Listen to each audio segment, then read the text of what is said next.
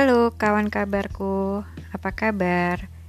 Udah lama ya saya tidak berbagi cerita dengan kalian. Hmm, sekarang saya itu mau bercerita tentang sistem perencanaan waktu khasnya orang Swedia. Kenapa sih harus dibahas? Emang apa bedanya dengan uh, orang lain di negara lain? Beda banget, dan hal ini tuh cukup membuat siapa pun ya, khususnya pendatang, itu ketika beradaptasi hmm, agak terkaget-kaget. Terlalu hiperbola gak sih? Enggak, maksud saya ya cukup challenging untuk beradaptasi dengan sistem perencanaan waktu mereka, cara cara penyampaian informasi tentang waktu itu gitu Kalau kita nggak belajar untuk memahaminya. Uh, kayak apa sih sistem perencanaan waktu mereka baik dalam kehidupan profesional ataupun personal? Gini ya, kita kan biasanya tuh kalau di tanah air, misalnya kalau bikin janji gitu sama temen atau ada rencana liburan bersama atau ada seminar atau ada workshop gitu kan. Terus libur semester gitu ya kalau di dunia pendidikan. Itu selalu bulan apa sih kita mau liburan ke Jepang katakanlah gitu atau tanggal berapa aja sih kita libur gitu kan. Atau tanggal berapa aja sih tanggal merah gitu kan. Terus uh, eh hari apa sih kita mau ngerayain pesta ulang tahun gitu kan buat si X gitu. Tanggal berapa gitu kan jam berapa. Umumnya sih kan gitu. Di sini uh, sangat berbeda. Bedanya tuh kita selalu mengacu pada kata minggu atau menggunakan weeks numbers atau dalam bahasa Swedenya tuh week itu weko. Spellingnya itu Volvo, Echo, Charlie, Kilo, Oscar. Ketika saya pertama kali pindah ke Swedia gitu ya. Saya kan memang penggemar mencatat segala sesuatu itu di buku agenda. Jadi saya tuh selalu punya agenda. Biarpun kita sudah mengoptimalkan sistem kalender, sistem kalender di smartphone kita. Jadi ketika saya ke toko buku itu tuh agenda di sini tuh lucu-lucu banget, bagus-bagus gitu kan. Dan uniknya ya, orang Swedia itu biarpun smartphone-nya itu canggih kayak apa pun, sistem pengkalendarannya juga canggih di handphone mereka gitu ya. Atau bisa disetting di notebook, di surfplata. Surfplata itu bahasa Inggrisnya tablet, itu surfplata dalam bahasa Swedia. Jadi uh, itu buku agenda tuh tetap laris loh nggak ada kan yang merhatiin uh, buat teman-teman sesama Indonesia di sini gitu ya. Bisnis buku agenda itu tetap laris. Uh, karena ya memang satu saya sih melihatnya senang mencatat di situ. Karena orang Swedia kan juga terkenal segala pencatatannya itu detail bahkan dalam buku agenda itu ada yang jam jamnya itu tuh udah pembagian jamnya tuh detail banget. Nah, kembali lagi ke masalah weeks numbers ya. Jadi, ketika saya mencari-cari buku agenda yang paling pas untuk kebutuhan saya gitu ya, uh, itu setelah saya perhatikan selalu tercantum kata weeks atau weko. Nah, uh, satu tahun itu kan ada 365 hari. Nah di Swedia itu ada berarti 52 minggu. Oke. Nah, di lembar demi lembar uh, kertas yang ada di buku agenda itu tercantum tuh tulis tulisan Weko 1, Weko 2, Weko 3, Weko 4, Weko 5 sampai Weko 52. Itu udah. Terus saya berpikir, ini maksudnya apa ya? Gitu kan.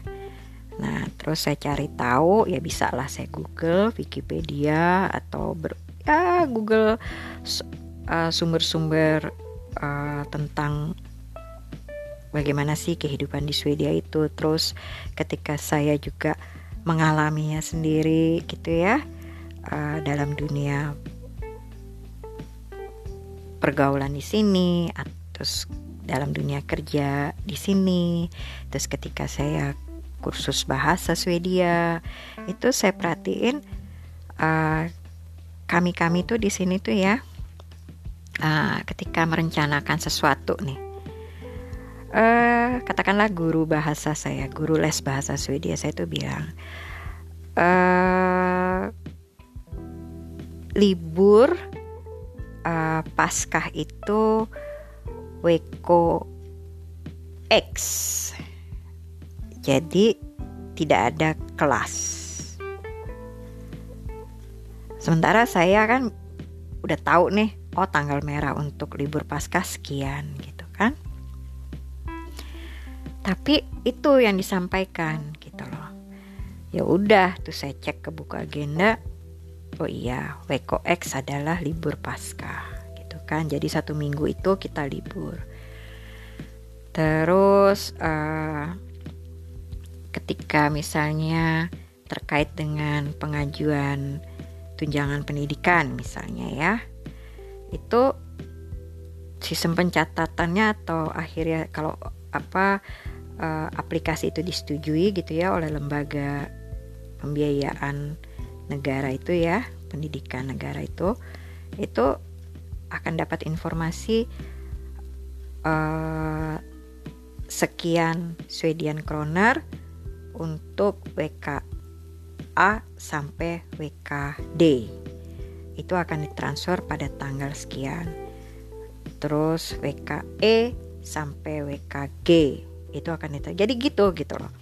E, mereka menghitungnya seperti itu gitu merencanakannya. Waktu itu dengan menggunakan WK atau Wix terus apa lagi ya contohnya? Uh, uh, misalnya dalam sistem pendidikan lah. Uh, week berapa nih materi yang akan disampaikan ke murid gitu kan?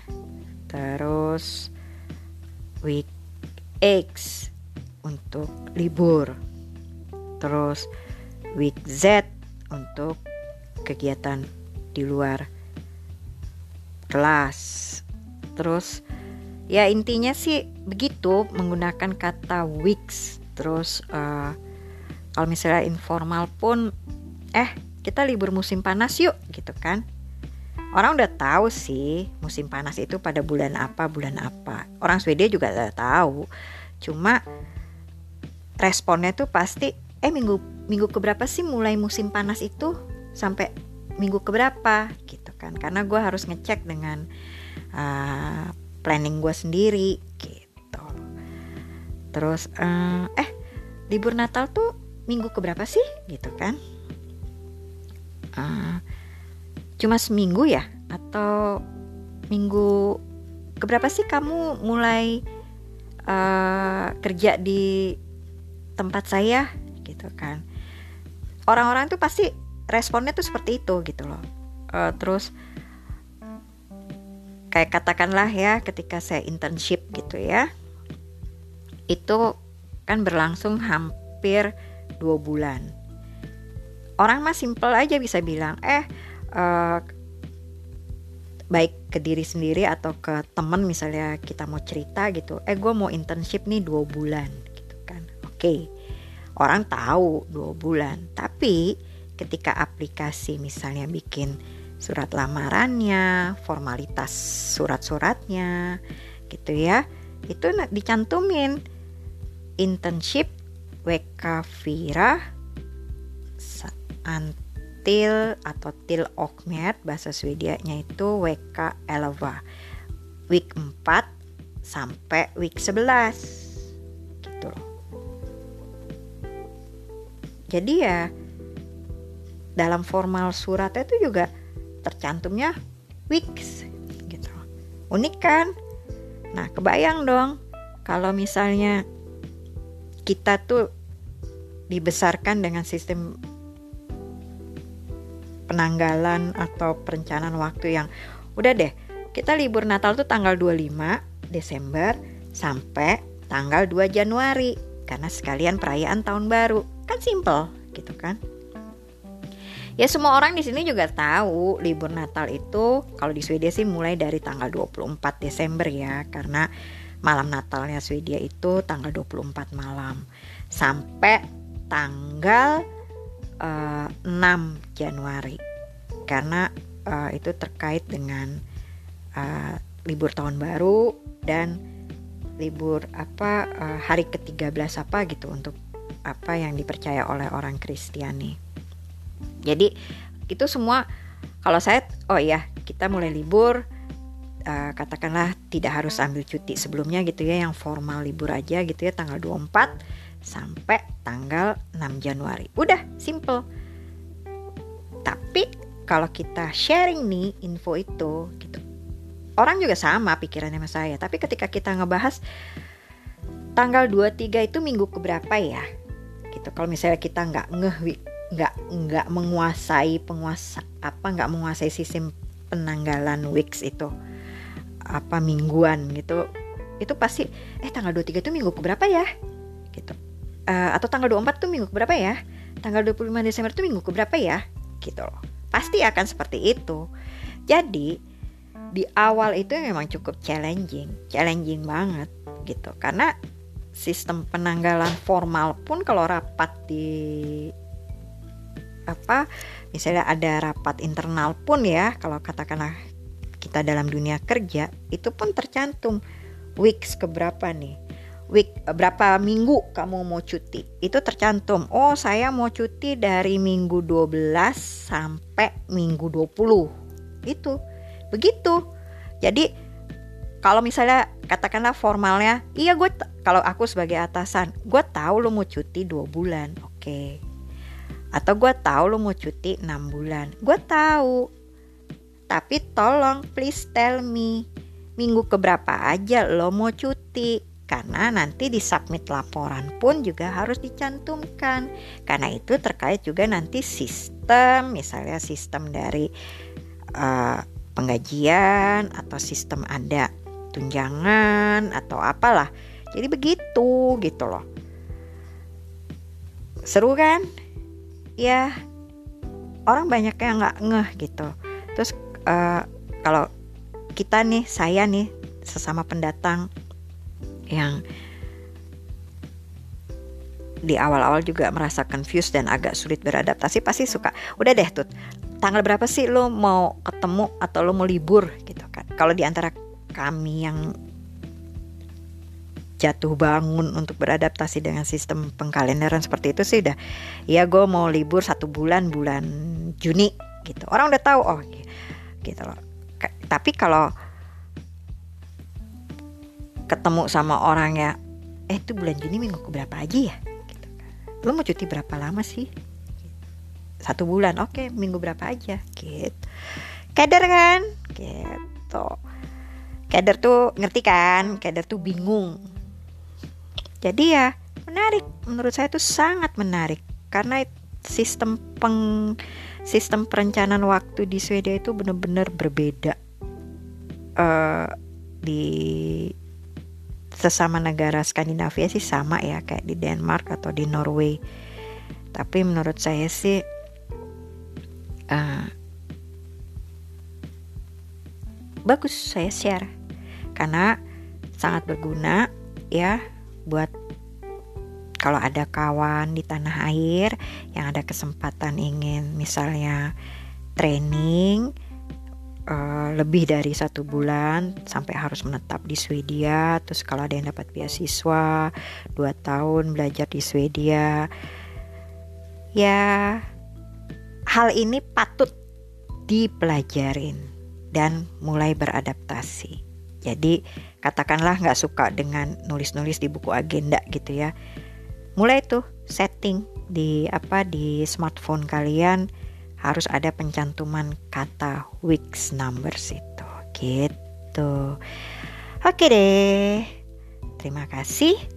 Uh, semoga bermanfaat ya info ini dan stay safe, stay healthy, take care.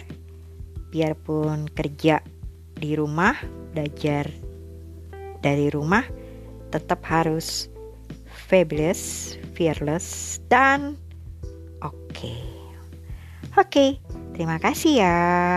Sampai jumpa lagi. Bye bye.